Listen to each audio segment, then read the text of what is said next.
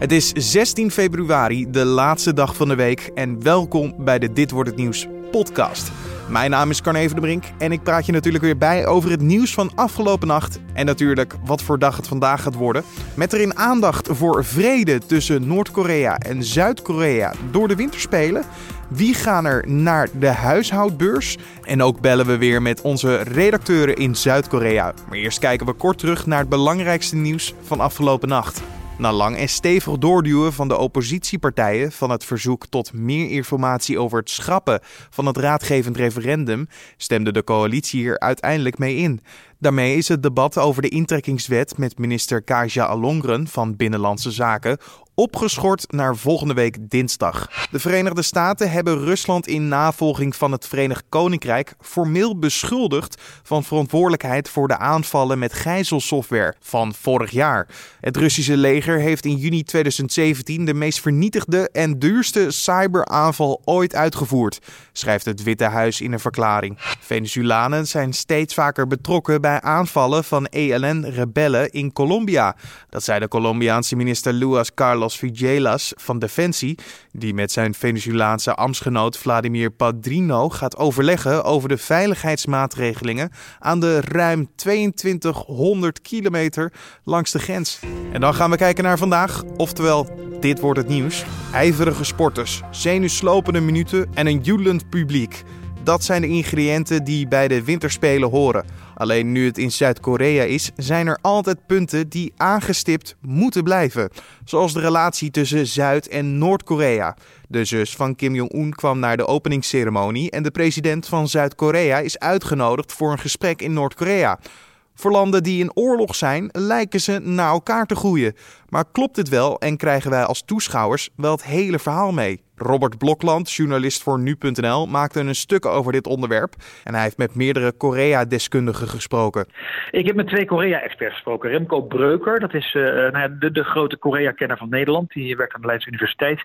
En Michiel Hoogeveen. En ook hij is een uh, Korea-analyst die een beetje duiding kunnen geven wat er in dat land gebeurt in Noord-Korea. En hoe je de, de toenaderingspogingen tijdens de Olympische Spelen een beetje kan duiden. Want het lijkt erop dat, dat de twee landen nader op elkaar komen door Spelen. Maar uh, schijnt bedriegt, zeggen ze allebei. Ja, want wat vinden zij dan dat het nu de huidige status is? Nou ja, goed, er, worden, wel uh, pogingen ondernomen. Of er wordt in elk geval uh, aan de oppervlakte wordt gedaan alsof, alsof twee landen willen gaan praten. En alsof ze in elk geval iets, iets, iets beter met elkaar omgaan.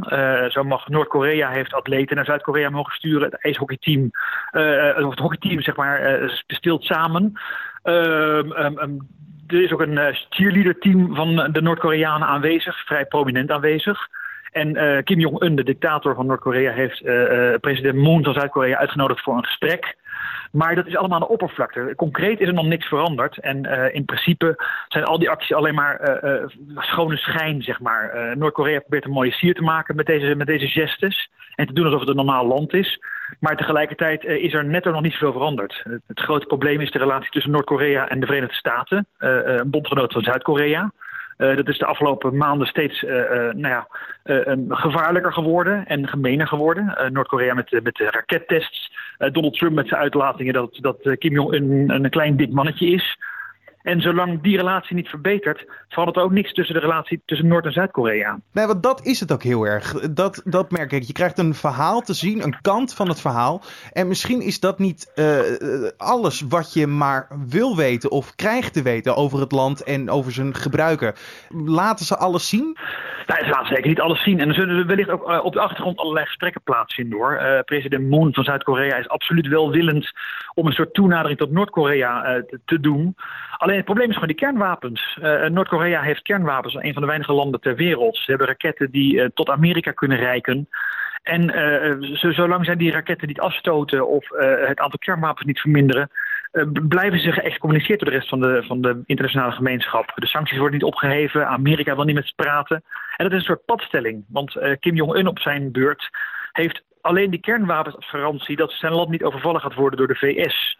juist door die kernwapens uh, zal er niemand Noord-Korea aan gaan vallen, want dat zou ontaarden in een kernoorlog. Dus het is een, een hele rare situatie en, niemand weet eigenlijk hoe de situatie doorbroken kan worden. Ja, en, dan wordt gezien dat de Olympische Spelen dus een, een spil in het web kan zijn van de vrede tussen Zuid-Korea en Noord-Korea. Maar is dit nou wel echt zo? Nou, er wordt al geroepen hè, dat Olympische Spelen niet alleen maar sportwedstrijden zijn, maar dat ook een politieke lading kan hebben en dat, dat er een zekere uh, welwillendheid gecreëerd kan worden tijdens de, de Spelen. En op het niveau van de burger is het ook wel zo, dat zie je ook bij Noord- en Zuid-Korea nu. Het hockeyteam bestaat uit atleten uit beide landen en daar, daar merk je echt dat zij het heel fijn vinden om met elkaar te spreken en met elkaar te spelen. Maar op politiek niveau bewerkstellig je er niet zoveel mee. Uh, in 1936 werd er ook gezegd van als de Olympische Spelen in Berlijn plaatsvinden, zal Hitler wel wat aardiger worden. Nou ja, we, hebben allemaal geweten hoe het afgelopen is. Um, um, in Rusland, in Sochi in 2014 werd ook gezegd van nou ja, als we de Olympische Winterspelen daar plaats laten vinden, zal Poetin wel uh, wat meer toenadering naar het Westen zoeken. En de afgelopen jaren is hij alleen maar oorlogzuchtiger geworden. Um, hetzelfde geldt voor, voor Peking in 2008 werd ook gezegd van, nou ja, als in Peking een spelen plaatsvinden, dan zullen de mensenrechten wel beter worden. En ook daar is echt niks van gebleken. Dus uh, wat de experts zeggen, we hebben echt geen idee waar die mythe vandaan komt. Het is natuurlijk een hele mooie uh, uh, droom dat de Olympische Spelen ook op politiek niveau iets kunnen voorstellen. Maar in de praktijk blijkt er gewoon heel weinig van. Je hoorde Robert Blokland en zijn achtergrondartikel verschijnt dit weekend op onze site. Vele Nederlandse huisvrouwen zijn deze dagen als door een magneet aangetrokken naar de huishoudbeurs in Amsterdam gegaan om er te eten en te drinken. En om er de nieuwste vindingen op huishoudelijk gebied te zien. Je hoorde een stukje uit het Polygoonjournaal van 1953. Maar laten we teruggaan naar 2018. En nu is de beurs nog steeds een uitje voor iedereen. Deze zaterdag barst het weer los in de Rai Amsterdam. Alleen, waarom zou je naar de huishoudbeurs gaan? En kloppen de vooroordelen? Dat vroegen wij aan Nicole Babai, beursmanager van de huishoudbeurs. Voor iedereen is er gewoon wat te doen. Het is voor de meeste mensen het, het meest gezellige dagje uit van het jaar al een jaar van tevoren wordt het uh, geboekt vaak door vriendinnen of moeders, uh, de zussen, uh, buurvrouwen. En um, dan kan je gewoon lekker genieten van alles wat er op je afkomt. En, en, klopt het nou? Want er zijn een paar vooroordelen aan de huishoudbeurs. Bijvoorbeeld dat je overal karretjes ziet staan of dat heel veel mensen er alleen maar naartoe gaan voor gratis producten. Kloppen die vooroordelen of is dit totale onzin? nou, nou moet ik zeggen dat het totale onzin is natuurlijk. nee, ja, kijk, die, die karretjes, die trolleys, dat is geen vooroordeel, want daar lopen ze inderdaad mee. Echt uh, heel veel. En het is, uh, we hebben ook een soort haat-liefde verhouding met die karretjes. Want je, je kan gewoon echt, er zijn hele goede beursaanbiedingen. Dus je hebt die karretjes ook gewoon echt nodig om alles wat je koopt in te slaan. Mm-hmm. Maar het is inderdaad, het, het, ja, je rijdt ook elkaar wel eens voor de voeten met die, uh, met die trolleys. Maar uh, ja, ze hebben, we hebben het wel eens uh, gewogen met hoeveel shopbagage men naar huis gaat. En dat is 7 kilo. Zo. Ja, als je dat allemaal om je nek moet hangen. Dat, uh, ik snap wel dat ze zo'n karretje meenemen. En nou, de, dat je man ermee te belasten is ook weer zoiets inderdaad. Ja, en sowieso komen er heel weinig mannen. 90% is vrouw. Dus uh, ja, dus die, nee, die, mannen die, uh, die mannen die meegaan, die komen gewoon mee voor de gezelligheid. Niet alleen maar om, uh, om tassen te dragen. Alleen, er zijn altijd wel dingen waar je rekening mee moet houden. En dat zijn bijvoorbeeld tips en tricks. Ik kan me bijvoorbeeld, nou, we hebben het er net over gehad. Neem, neem je karretje mee of je Big Shopper tassen. laat je kinderwagen thuis, zoiets. Heb, heb jij ook van dit soort tips en tricks? Um, nou ja, download de huizen, huizenbeurs app vooral. We hebben ook een heel leuk nieuw spelletje erin, Kras en Win. En dan kun je allemaal uh, cadeaus um, winnen en vervolgens bij de exposanten ophalen. Dus dat uh, je begon beginnen over van is de vooroordeel dat heel veel dingen gratis is. Nou ja, via de app is het zeker niet een vooroordeel. Want er zijn echt meer dan 100.000 cadeaus uitgegeven. En voor de rest, ja, weet je, breng gewoon je goede humeur mee. En ja, ik zou vooral met de trein gaan. Dat, dat is ook vaak wel uh, heel handig. En um, ja, nee, het is gewoon, het is gezellig. Laat het op je afkomen en uh, laat je verrassen. Dat is, dat is eigenlijk de grootste tip die ik heb. En voor de rest loopt het toch altijd anders dan je gepland hebt. Je hoorde Nicole Babai, beursmanager van de huishoudbeurs. En de beurs is van 17 tot 25 februari. En voor de mannen die worden meegesleurd door hun vrouw in 1953 konden ze zich al prima amuseren op deze beurs. Ook voor de heren was er op deze beurs een attractie. Zij waren niet weg te slaan bij de stand met speelgoedautootjes, waarmee ze urenlang zoet waren. Een week geleden begon officieel de winterspelen in Zuid-Korea. Tot nu toe hebben we vijf gouden medailles, vijf zilveren en twee bronzen. Al met al een gedroomde start. Vandaag staat de 5 kilometer bij de vrouwen op de planning. Wij bellen met onze man in Zuid-Korea, Daan de Ridder, om te vragen wie hij als de grote kanshebber ziet. Dat is een goede vraag, want uh, de 5 kilometer bij de vrouwen is misschien wel uh, ja, uh, de meest, ja, dat ligt eigenlijk misschien wel het meest open. Er is niet één topper die er bovenuit springt. je hebt Claudia Perstein uit Duitsland die in 1992 al een keer een Olympische medaille won. Die is 45, bijna 46. En die zou zomaar goud kunnen winnen. Ja, hoe bizar is dat? Een, vrouw van 45, 46, niks ten nadele van alle mensen die 45, 46 zijn. Maar als topsporter en schaatser zou ik dat heel knap vinden als je op die leeftijd nog iets kan presteren. Nou ja, dat, uh, dat is het ook. Uh, we spraken gisteren even met Esme Visser, die is 22. Die doet namens Nederland mee. En uh, toen werd er even op gewezen dat Claudia Pesta ruim twee keer zo oud is als zij.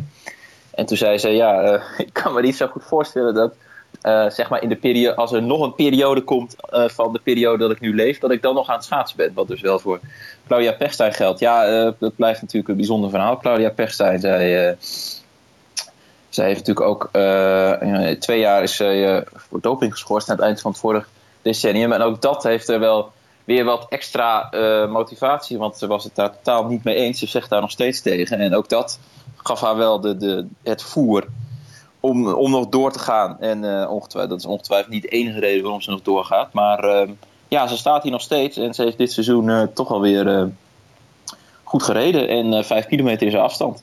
dus ja. En natuurlijk ook gewoon twee Nederlanders aan de start. Ehm, kunnen we daar iets van verwachten?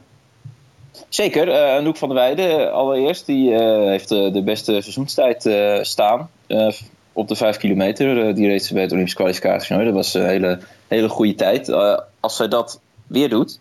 Maar ja, goed, zo uh, makkelijk is dat niet. Dat is maar weer duidelijk geworden. Maar als ze weer zo'n tijd rijdt, dan kan het zomaar goud zijn. maar ja, de, en ja, Esme Visser, die ik net al noemde, die heeft gewoon dit seizoen heel veel indruk gemaakt. Die kwam eigenlijk uit niks. Werd tweede op het Olympisch kwalificatietoernooi. En werd daarna ook nog even Europees kampioen op de 3 kilometer. ja, ze gaf ze gaf gisteren wel toe dat het, uh, ja, als iemand die uh, eigenlijk niet, niet verwachtte dat ze daar spelen zou komen, dat het allemaal wel een beetje lastig is om niet te veel mee te gaan in, uh, in alle verwachtingen die nu toch op haar liggen. -huh. Dus ja, ze leest maar geen kranten en dat soort dingen. Ja, ja. Dus ja, dat is even de vraag hoe, hoe ze om kan gaan met ja, de, de, zo'n race die natuurlijk te vergelijken is met niks wat ze ooit gedaan heeft. Nee. Maar als zij, als zij um, rijdt zoals de afgelopen nou ja, twee, drie, vier maanden rijdt, dan uh, gaat ze weer sneller rijden dan ze ooit gedaan heeft. Want dat doet ze ongeveer tot nu toe elke keer als ze op de ijsbaan komt. Dan rijdt ze weer harder dan ze ooit gedaan heeft. Ja. En ook in dat geval is dit gewoon weer uh, medaillekans. Je hoorde onze man in Zuid-Korea, Daan de Ridder. En dit gebeurt er verder vandaag nog. Vandaag dient het hoge beroep dat de 53-jarige Alex O. uit Leeuwarden instelde. Hij kreeg een celstraf van acht jaar opgelegd voor het afpersen van de supermarktketen Jumbo. De man stuurde begin 2015 dreigmails en een bombrief naar een vestiging in Zwolle. Ook plaatste hij explosieven gemaakt met kookwekkers bij twee filialen in Groningen. En dan kijken we waar onze collega's over schrijven. Politieagenten die worden geconfronteerd met geweld worden in de nasleep daarvan niet meer goed geholpen door hun werkgever. Als agenten zelf slachtoffer worden, ontvangen ze steun van een zogeheten case manager. Die houdt ze bijvoorbeeld op de hoogte van de zaak tegen de dader of helpt bij het verhalen van de medische kosten. In twee jaar tijd is het aantal case managers echter gedaald van 50 naar 11, meldt het AD. De overgebleven krachten worden door tijdgebrek gedwongen om steken te laten vallen. Een Nederlandse minister of staatssecretaris moet in april in Armenië aanwezig zijn bij de herdenking van de Armeense genocide van een eeuw geleden. Daarna moet elke vijf jaar een bewindsman naar de herdenking. De coalitiepartijen steunen een voorstel hiertoe van Joel Voordewind van de ChristenUnie, meldt Trouw. De kwestie ligt gevoelig omdat Turkije furieus reageert op elke blijk van erkenning van de volkerenmoord.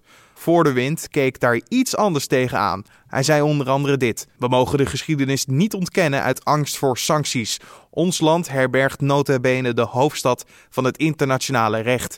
Dus we moeten niet bang zijn om ook hierin recht te doen. En dan nog even het weer. Vandaag zijn er flinke perioden met zon, met de meeste zonneschijn in het westen. De zuidwestelijke wind is zwak tot matig en smiddags wordt het ongeveer 7 graden. En dan nog dit. Talentenshows zijn er in alle soorten en maten. Op dit moment een van de populairste is natuurlijk The Voice of Holland. Seizoen 8 zal vanavond worden afgesloten in een spetterende finale. De coaches van dit seizoen, Ali B, Waylon, Anouk en Miss Montreal, Sanne Hans, hopen natuurlijk de winst met hun pupil binnen te slepen. Alleen Waylon kan niet meer winnen, want geen kandidaten van hem zitten in de finale. Graag laat ik je horen wat je vanavond kan verwachten. We beginnen bij Team Anouk. Zij heeft twee kandidaten. Dit is de enige man, Jim van der Zee.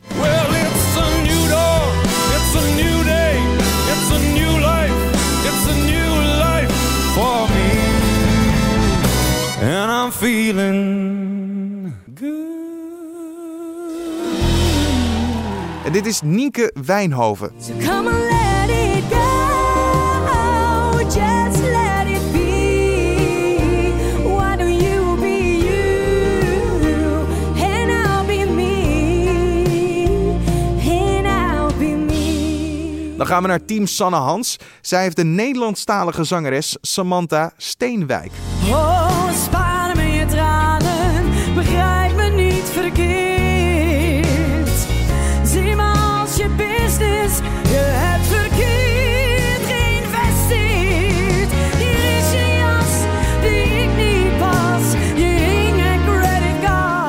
En als laatste sluiten we af met Team Ali B.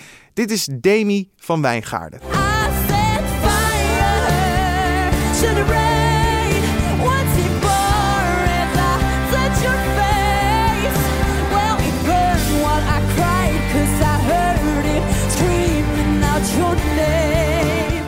En vanavond om half negen kan je met je drankje en je hapje klaar gaan zitten voor de televisie. Want dan begint de live show op RTL 4. Dit was dan de Dit Wordt Het Nieuws podcast voor deze vrijdag 16 februari. De Dit Wordt Het Nieuws podcast is elke maandag tot en met vrijdag te vinden op nu.nl om 6 uur s ochtends. Laat ook een recensie achter op iTunes of natuurlijk via de mail redactie.nu.nl. We wensen je voor nu een mooie dag, een fijn weekend natuurlijk. Ga ervan genieten, dan doe ik dat ook. En natuurlijk tot maandag.